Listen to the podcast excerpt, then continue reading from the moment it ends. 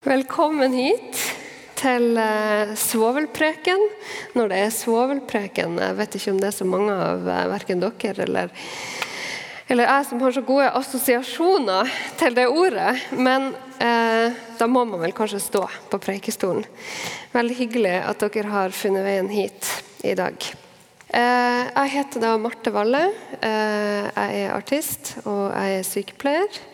Eh, jeg jobber til vanlig eh, i Bergen, på eh, akuttposten for rus ved Bergen legevakt. Og så jobber jeg også innenfor psykiatri, voksenpsykiatri. Jeg har holdt på med solidaritetsarbeid hele mitt voksne liv. Jeg har reist i, i Palestina og Libanon siden 2007. Eh, og hatt mange ulike prosjekt som jeg har jobba på der. For å ta sykepleierutdannelsen det var for at jeg hadde lyst til å ha et yrke. En av dem var jo fordi at han pappa hadde mast i alle år. Kan ikke du ha en ordentlig jobb i tillegg til å være musiker? og så da når jeg ble mor og ikke hadde mulighet til å reise så mye, så fant jeg ut at ok, det var jo kanskje ikke så dumt å ha en ordentlig jobb eller en vanlig jobb. Eh, i tillegg. Men en av grunnene til at det ble sykepleierutdannelsen, det var fordi at jeg hadde lyst på et yrke som var et praktisk yrke der jeg kunne dra ut i verden og hjelpe til der det var behov for det. Eh, så i 2015 når den, eh, det som vi kaller for flyktningkrisa eksploderte, så hadde jeg og ei god venninne vi hadde venta lenge på svar på, på visum eh, til Gaza. Vi hadde en plan om å reise inn dit, eh, men fikk avslag på visumet vårt og fant ut at da må vi gjøre noe annet med den perioden som vi har satt av, der vi hadde tenkt å reise eh, til Gaza. Da. Um, da eh, bestemte vi oss for å reise til Lesvos. Dette var i november 2015, og det var på den tida hvor det var fullstendig kaos i Hellas og på de greske øyene. Det kom flere hundre båter hver eneste dag. Tusenvis av mennesker til de greske øyene. Og situasjonen var ekstremt uoversiktlig og kaotisk. Um, grensene i Europa hadde enda ikke begynt å stenge. Uh, det var uh, veldig uoversiktlig hvem som skulle på en måte organisere uh, hjelpearbeidet, hvem som skulle organisere denne mottakssituasjonen. fordi at selv om det har kommet flyktninger over Middelhavet og til Europa i mange år, så kom omfanget tror jeg kom veldig brått på. Og Hellas var jo allerede da et land som var i sin egen økonomiske krise og hadde overhodet ikke noe apparat klart for å håndtere denne situasjonen. Vi reiste ned dit eh, og hjalp til med å bygge opp en akutt klinikk på, eh, på havna. Et lite sted som heter eh, Skala, på østsida av Lesbos. Hele situasjonen var som sagt veldig uoversiktlig. Det var kaos. Uh, det var vanskelig å på en måte organisere som sagt, hjelpearbeidet. Eh, på en måte så kan man si at når flyktningkrisen eksploderte, så fikk det fram både det verste og det beste i folk. Eh, mange reiste ned eh, og ville hjelpe til. Men allerede da, i november 2015, så var debatten og det politiske ordskiftet både i Norge og Europa begynt å hardne til. Så vi kom fra Norge fra eh, det debattklimaet som var der. Dette var like etter Sylvi Listhaug hadde uttalt hjemme i Norge at ingen måtte forvente å bli båret inn i Norge på gullstol. Og Så kommer vi til Lesbos, og så begynner vi å jobbe og tar imot disse menneskene på stranda. Og det er ikke noe tvil i hver ei celle i kroppen vår som står der og tar imot. At disse menneskene har flykta for livet sitt De kommer med små barn, med det de eier og har i plastposer. Det er gamle mennesker, det er syke mennesker. Og de er overlykkelige. De er overlykkelige fordi at de har klart ferden over til Europa, og de er endelig i trygghet. Det er mange som begynner å gråte av glede når de går av disse båtene. Situasjonen var helt annerledes da. For da var det fortsatt mulig å komme. Og det var mulig å komme uten å risikere å bli sittende fast i verdens verste flyktningleir. Det var håp hos folk når de kom. Det var et håp om å få lov til å starte på et verdig liv. Det var håp om å få lov til å leve i trygghet og i fred. Og det håpet lå tjukt utenpå de menneskene vi møtte. Folk var glad. Ungene oppførte seg som unger skal gjøre. Og foreldrene så fram mot framtida, nå som de endelig kunne slappe av fordi de var i trygghet. I mai 2016 så reiste vi tilbake. Da reiste vi til fastlandet eh, utenfor en by som heter Tessaloniki. På det tidspunktet så fantes da den aller største flyktningleiren i Hellas i dette området. Det var en leir som het Idomeni. Der var det mellom 10 000 og 12 000 mennesker. Og dette var like før hele Europa stengte grensene sine. Dette var like før returavtalen med Tyrkia, som ble inngått mellom EU Norge var også med på den avtalen og Tyrkia i 2016. Denne avtalen så fikk Tyrkia mange, mange, mange hundre millioner euro for å stoppe denne strømmen med mennesker. For at disse menneskene skulle holdes igjen og puttes i tyrkiske leirer for at de ikke skulle ha mulighet til å komme seg inn til Europa. Og I praksis så betydde det tusenvis av grensevakter, tusenvis av båter som skulle patruljere de tyrkiske grensene. Og mye mer militært eh, personell, mye mer politi på de greske øyene der de fleste flyktningene kom til. Jeg glemmer ikke den der frustrasjonen som var i ferd med å spre seg hos folk i 2016. Jeg møtte en far fra Syria som hadde bestemt seg for at han skulle ta med ungene sine og reise tilbake. For allerede da så skjønte han at her kommer vi oss ingen vei. Det er for mange mennesker, og grensene er allerede i ferd med å stenge. Og han sa til meg vi skal dra tilbake til Syria. Det er ingenting igjen i Homs, i byen der vi kommer fra.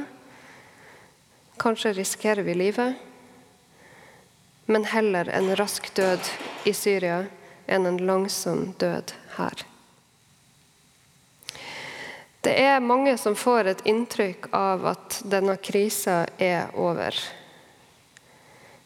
Fordi at etter returavtalen ble inngått med Tyrkia, så har det kommet mye færre mennesker til Europa.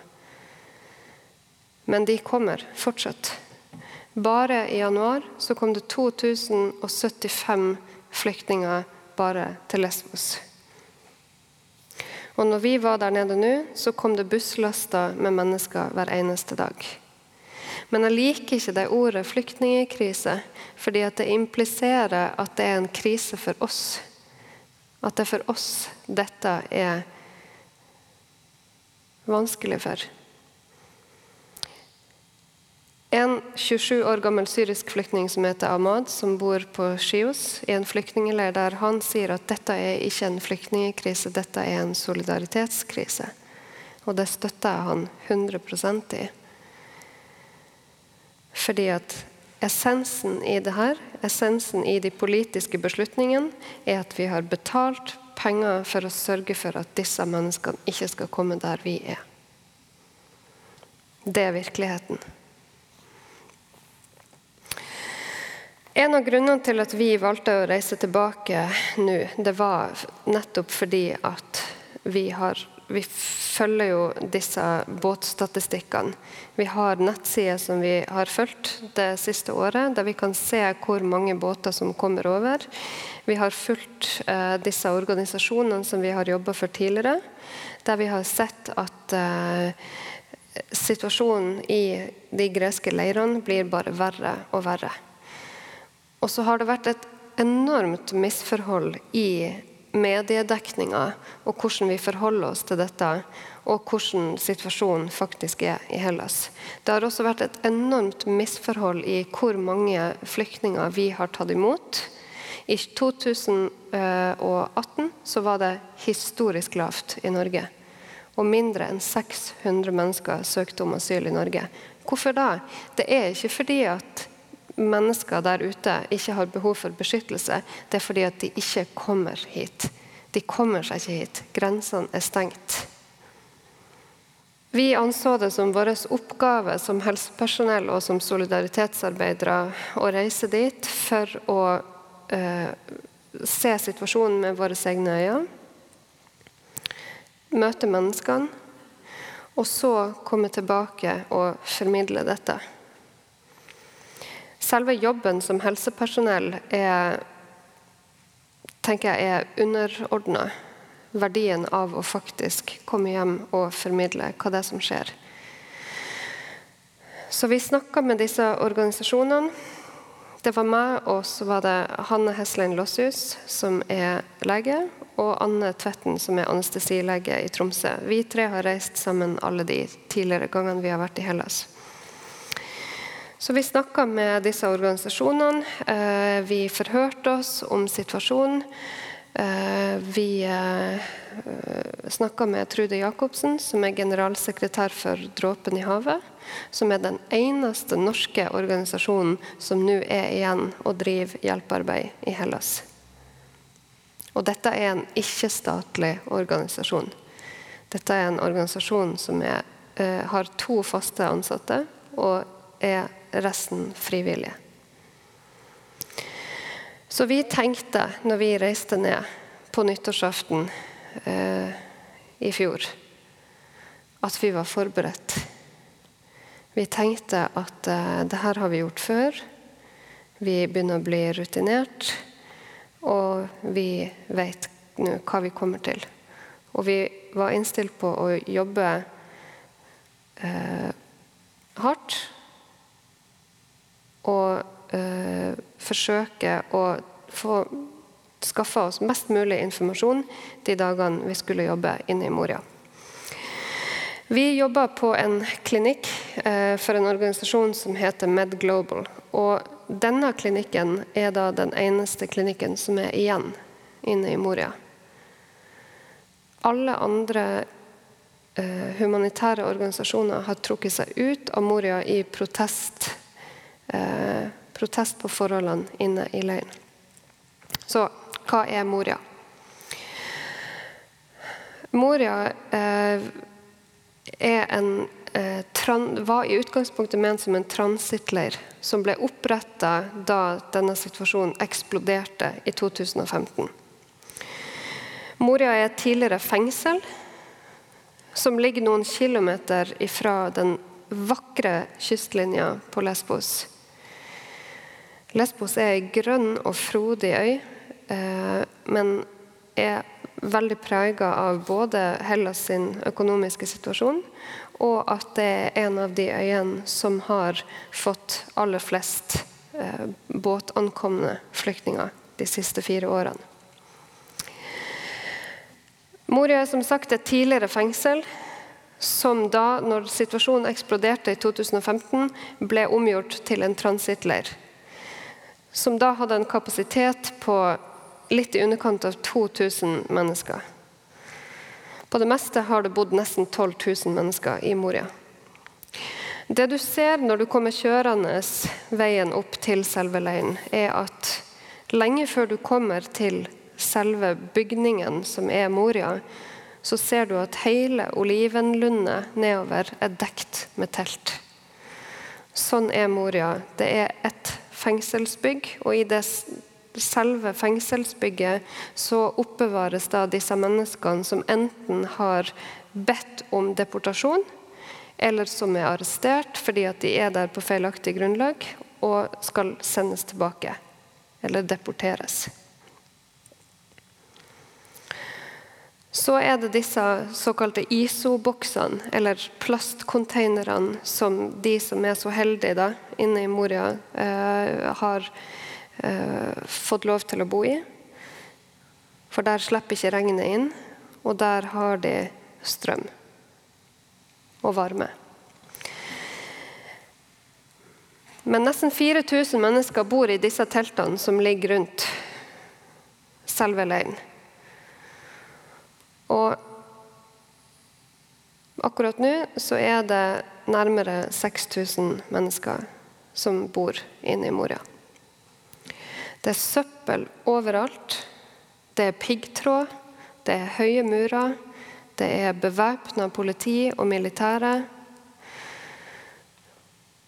Og det føles som en konsentrasjonsleir når du kommer inn der.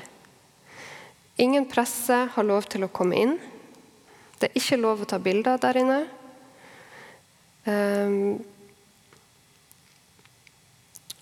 og det er et høyt, høyt sikkerhetsnivå. I september 2018 så var det nærmere 12 000 mennesker inne i Moria. Og Da var det så mange organisasjoner som reagerte på forholdene. Det var daglige opptøyer, det var masse masse aggresjon inne i leiren. Og det var flere organisasjoner som gikk sammen og sa at nå må dere gjøre noe. Nå må dere flytte noen av disse menneskene fordi at situasjonen er i ferd med å eksplodere. Da ble nærmere 4000 mennesker flytta fra Moria til andre leirer på det greske fastlandet. Men det vi har fått bekrefta i ettertid fra bl.a. Dråpen i havet, som jobber i disse andre leirene på fastlandet også, det er at disse leirene er like ille. Inne i Moria så er det ekstremt dårlige sanitærforhold. Det er ikke alle som har tilgang på varmt vann. Strømmen kommer og går.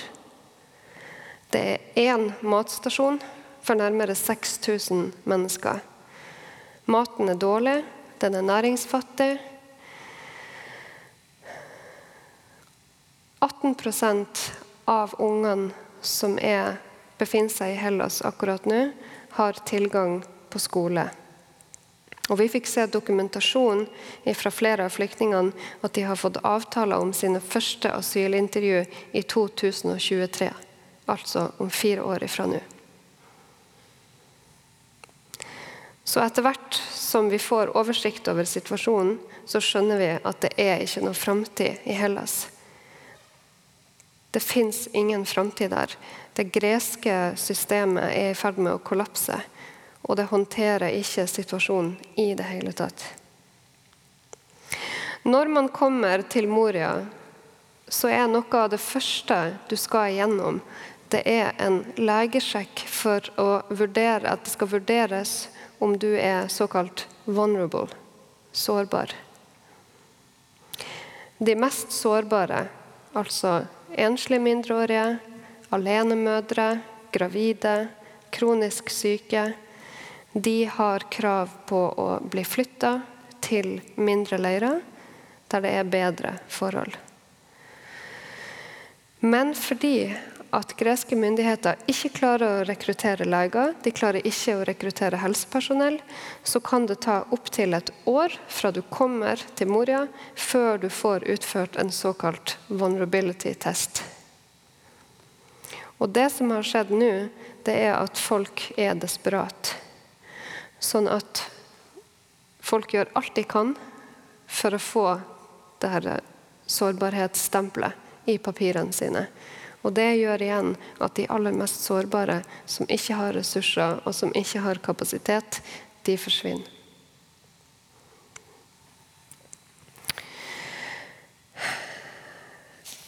Denne klinikken som vi jobber i, det er da som sagt den eneste klinikken som befinner seg nå inne i Moria. Det var en sånn ISO-boks med to rom og et lite kontor. Og så var det satt opp presenninger ute som skulle være ventearealet. Noen dager hadde vi tre leger, og noen dager så hadde vi fem leger. Og min jobb det var å stå ute og få informasjon om pasientene. Hva var problemet, hvorfor var de kommet for å se lege? Og så vurdere hvem som trengte å gå inn først.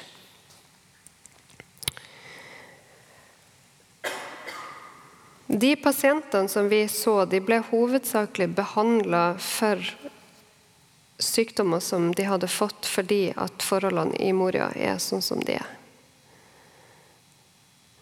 Og når vi kom dit, som sagt, så trodde vi at vi var forberedt. Vi trodde at vi visste hva vi gikk til. Men etter den første dagen på jobb inne i Moria så har jeg aldri følt meg så maktesløs før i hele mitt liv. Jeg var ikke forberedt på det omfanget av lidelse. Jeg var ikke forberedt på hvor ille det er inni leiren. Og grunnen til det er fordi at du vil ikke tro det. Du vil ikke tro at det går an at det faktisk er så ille. Hvis noen hadde prøvd å forklare det til meg før jeg dro, så hadde jeg sagt at det går ikke an. Det kan umulig være så ille. Det er jo Europa. Det er jo Hellas. Vi hjelper dem jo der de er.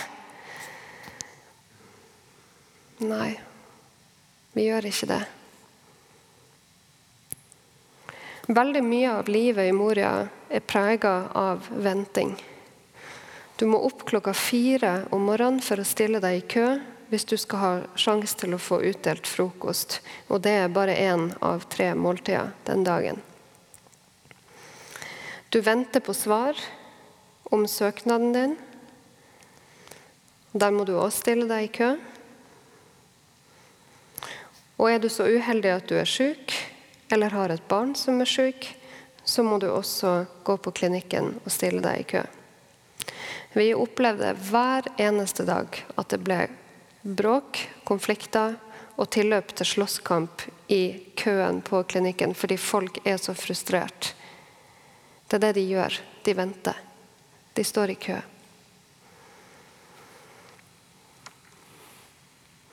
Så møtet med disse pasientene det var nesten sånn at vi ikke trodde det. Og det denne ventetida og usikkerheten gjør med et menneske, når man lever under sånne forhold. Det går heller nesten ikke an å forklare.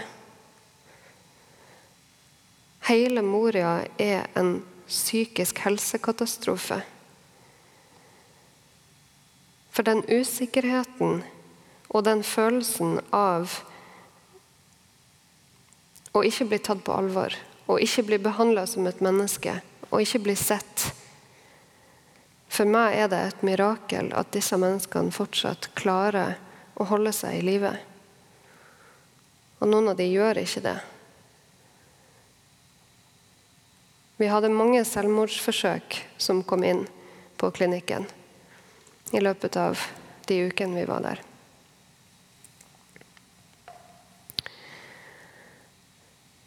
Vi hadde veldig mange unge mennesker som kom inn og som hadde kutta seg opp og skåret i kroppen sin fordi at de ikke klarte å kjenne på den smerten på innsida. De trengte en annen smerte for å ta over.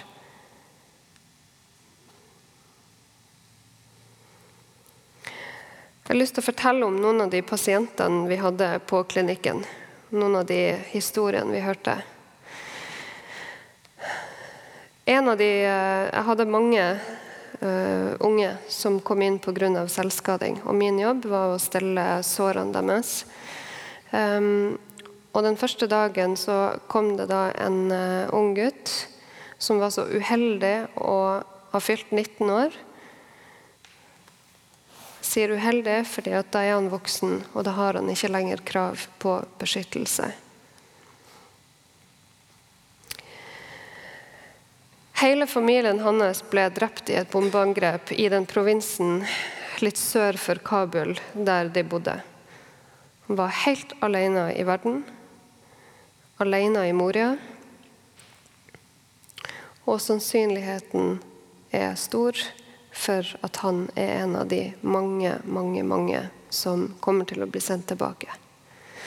Han kom inn på klinikken hver eneste dag.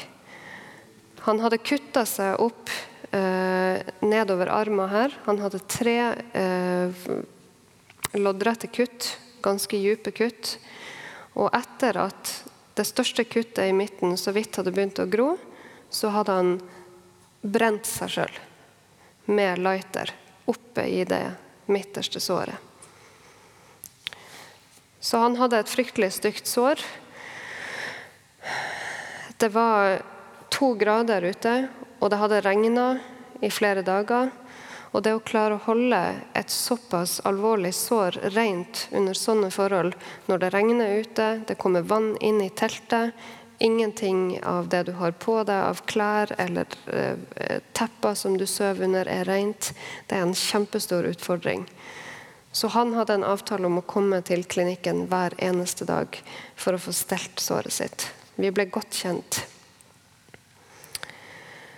Og så Etter andre dagen så hadde vi prata en del, og da fortalte han meg at åh, også i tillegg til alt det her, i tillegg til å også bo i Moria, så har jeg kjærlighetssorg. Kan du tenke deg?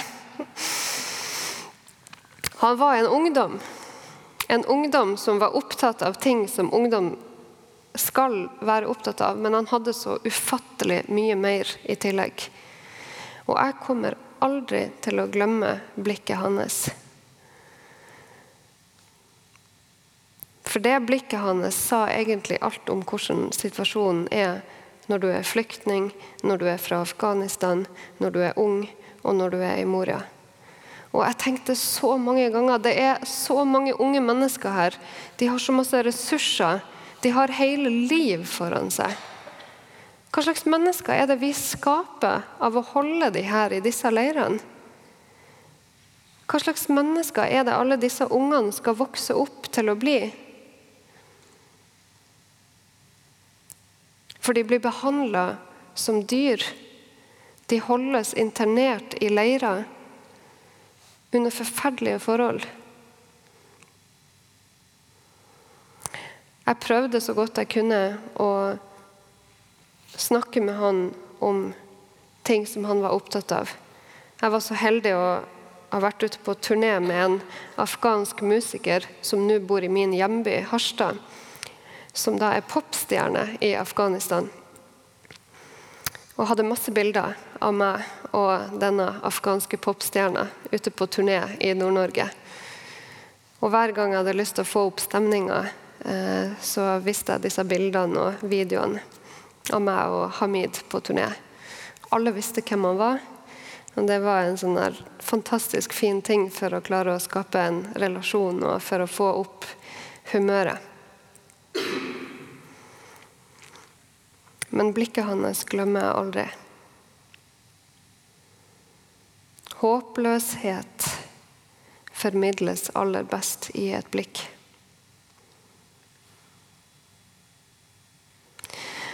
En annen av disse afghanske mindreårige som eh, jeg møtte, og som gjorde et enormt stort inntrykk på meg Han hadde kommet til klinikken tre dager på rad og gått til den samme legen.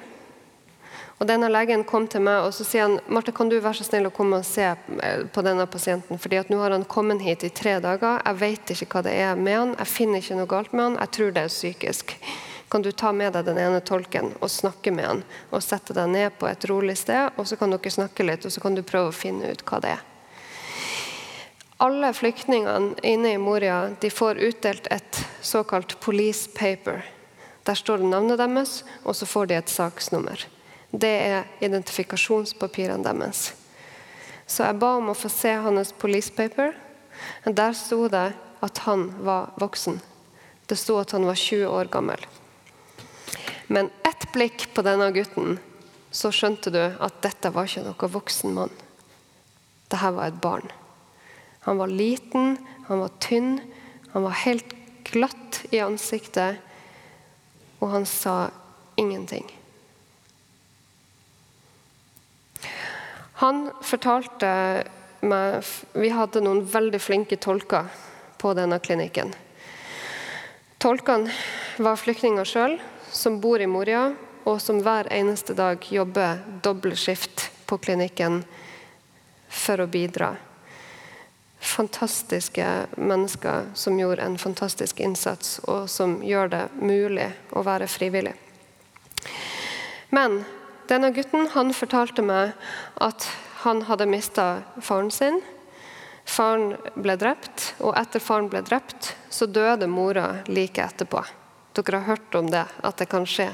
At når mennesker som har vært gift i mange år, og en av de dør, så kan det av og til gå veldig kort tid før den andre dør. Så han mista begge foreldrene sine på kort tid og flytta til broren sin. Men broren sa at nå er det så mye militær aktivitet i dette området her at det er ikke trygt for deg. Du kan ikke være her. Jeg skal hjelpe deg med penger, sånn at du kan komme deg i sikkerhet. Han kom da til Hellas alene. Og Så hadde jeg en avtale med han om at han skulle komme tilbake neste dag. Så skulle vi snakke videre, for jeg begynte å spørre han hvor er det du bor.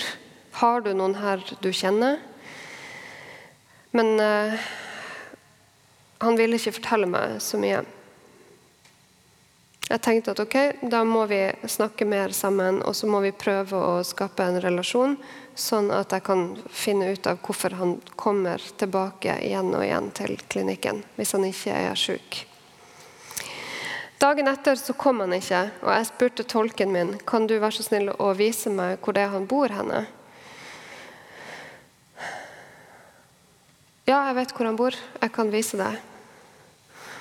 Og istedenfor å gå opp bakken og inn i leiren, så gikk vi inn i det som kalles for section A og section B. Det er de to seksjonene for enslige mindreårige og de særlig sårbare familiene. Forbi disse to seksjonene så ligger det et svært telt. Som er teltet for nyankomne flyktninger. I dette teltet så er det sagt at det skal være en maks tidsgrense på én måned.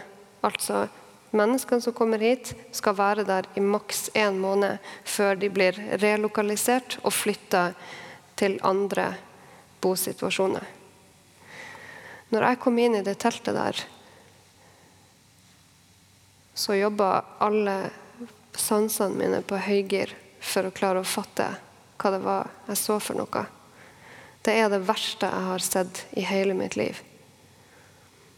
Det lukta urin, det lukta avføring. Altfor skittent. Det var stappfullt av mennesker der inne. De sov på sånne pappkartonger på gulvet.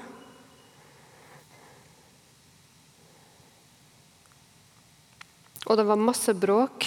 Det var slåssing. Innerst inne i dette teltet så finner vi denne gutten her. Som sitter helt alene bak et teppe som han har hengt opp på veggen. Og jeg måtte bite meg sjøl i leppa for å ikke begynne å grine der inne. Fordi det var så jævlig. Skal ikke gråte her foran han. Det er ikke min plass å begynne å gråte her inne. Og Vi henta han ut, og vi tok han med tilbake til klinikken. Og så begynte vi å grave i papirene hans. Jeg ba han om å ta med seg alt han hadde av papirer. Denne gutten her hadde sittet i det teltet for nyankomne flyktninger i åtte måneder. Helt alene. Falt ut av systemet. bare dokumentert av en eller annen militær mottaksperson at ja, han er voksen. Vent her. Du hører når vi finner ut noe. I åtte måneder. Jeg ble rasende og gikk rett til koordinatoren for klinikken og sa hva er det her for noe? Han er et barn. Han har sittet i dette teltet i åtte måneder. Hva skal vi gjøre? Koordinatoren sa at han skulle ta tak i det. Han fikk tak i den legen eh, i det greske systemet som har ansvar for å vurdere alder på de man er i tvil om er mindreårig eller voksen. I løpet av én dag så konkluderte denne legen med at denne gutten var 15 år gammel. Og han ble flytta til section B, altså seksjon for mindreårige. Han fikk en verge. Han fikk ei seng å sove i. Han ble ivaretatt. Men han hadde sittet i det teltet alene i åtte måneder. Og koordinatoren på klinikken sa at jeg skjønner at du blir sint, men dette er ikke unormalt. Systemet fungerer ikke. Det er overbelasta. Dette er ikke unormalt.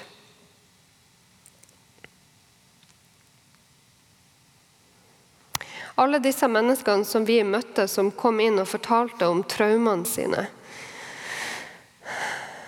Traumene som de har opplevd i hjemlandet sitt. I krig, terror, og traumene som de har opplevd på reisen, selve flukten. Alle de som fortalte om mennesker som har drukna underveis når de har prøvd å komme seg til Europa. Vi hadde ingenting å tilby dem. Det eneste vi kunne tilby dem, det var noen gruppesamtaler på et sånt hus som var drevet av frivillige utenfor leiren. Stressmestring yoga én gang hver andre uke. Og Av og til så var det nesten sånn Skal jeg, skal jeg si det til denne personen? For det blir, en, det blir, nesten som en fornærmelse. At dette mennesket sitter her og forteller meg om disse traumene, og som bor i et pågående traume. Og så skal jeg si at å, men her er, her er, adressen til det huset der de har stressmestring og yoga hver andre uke.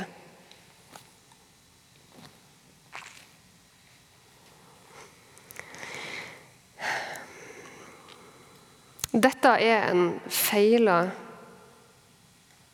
flyktningpolitikk. Det fungerer ikke. Og det er en politisk bestemt situasjon.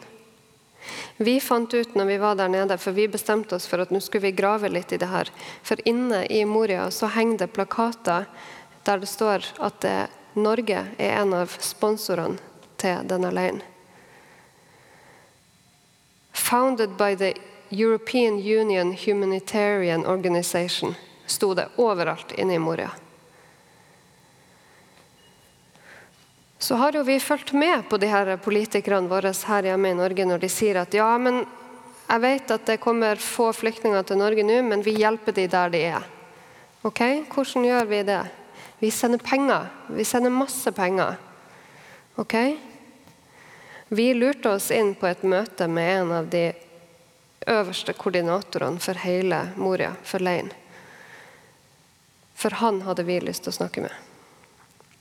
Vi ble fortalt også mens vi var der nede, at, eller vi ble trua faktisk til å ikke fortelle, ikke snakke med pressen, ikke legge ut bilder. Dette var en trussel fra gresk politi.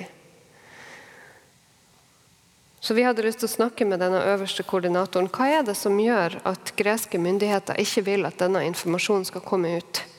Hvorfor er det ikke lov med presse inn i leiren?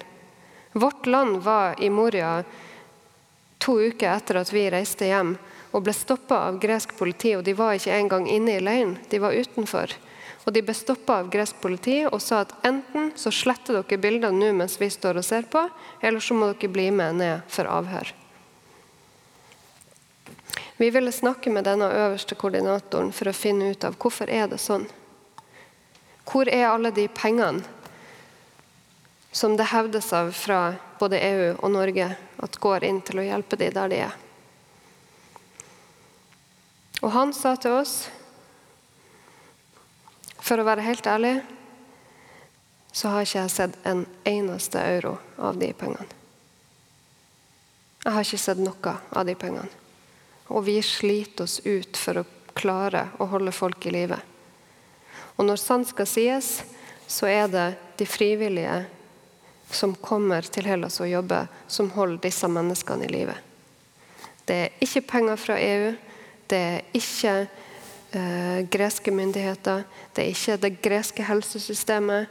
Det er frivillige som kommer, som holder flyktningene i live. Dette var hans ord, og han har jobba der siden 2015.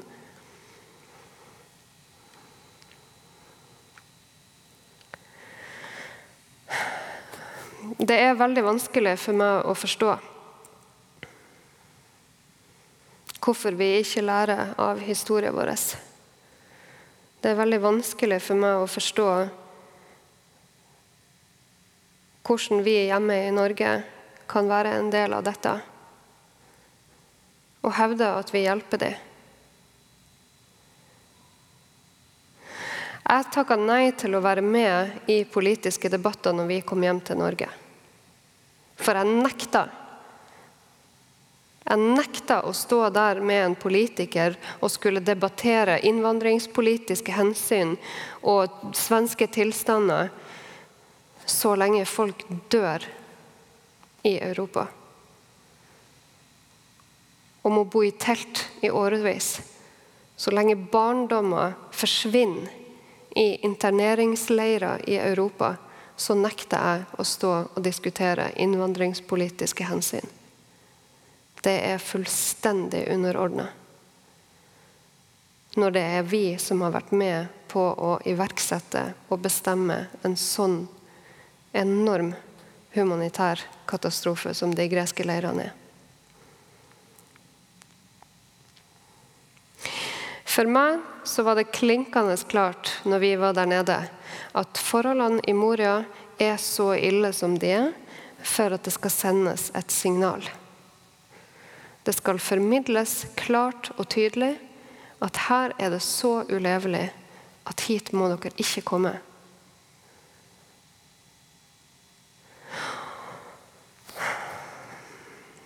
Og så virker det som at man har bare bestemt seg for å ikke forholde seg til hva som foregår i resten av verden. At 65 millioner mennesker er på flukt i verden. Vi er nødt til å anerkjenne at vi er en del av verden. Og disse menneskene må evakueres fra de leirene.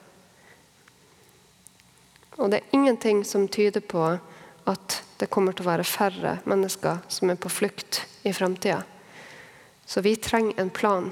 Vi trenger en ny måte å tenke på når det gjelder å møte mennesker som er på flukt og særlig Norge, som selger våpen med den ene hånda og stenger grensene sine med den andre. Det er inhumant. Det er inhumant, og det er uetisk. Og det er å spytte på menneskerettighetene, sånn som vi forholder oss til flyktningene i Europa, sånn som vi gjør nå. Og jeg har aldri skjemtes så masse før i hele mitt liv som jeg gjorde i møte med disse menneskene inne i Moria. Og de frivillige takka oss når vi skulle reise, for at vi hadde kommet og vært der en liten stund. Og jeg kjente at jeg ble kvalm. Jeg hadde lyst til å kaste opp. Og jeg tenkte inni meg at det er ikke vi som skal takkes. Det er dere som skal takkes. Det er dere som holder ut.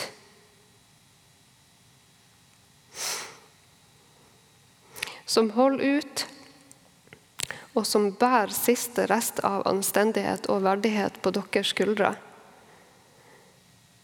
For vi gjør det ikke.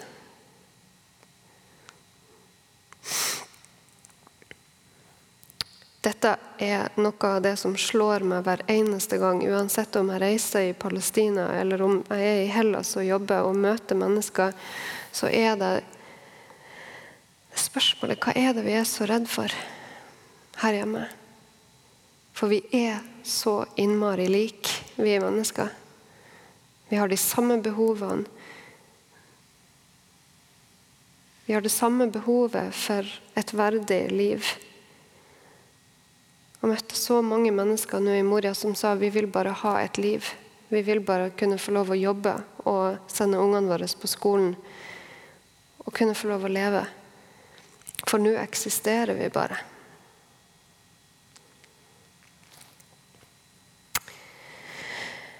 Jeg tenkte jeg skulle avslutte med ei bønn som er en revidert utgave av det kjente Fader vår det er en tekst som er skrevet av eh, forfatter Sølvi Ytterstad, som jeg var så heldig å få lov til å skrive musikk til da jeg kom hjem første gang fra Hellas i 2015.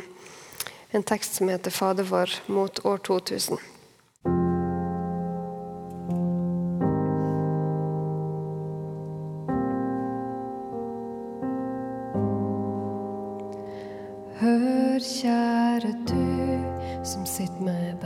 kort på handa.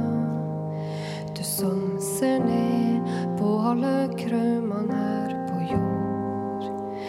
Du som lar bølgene slå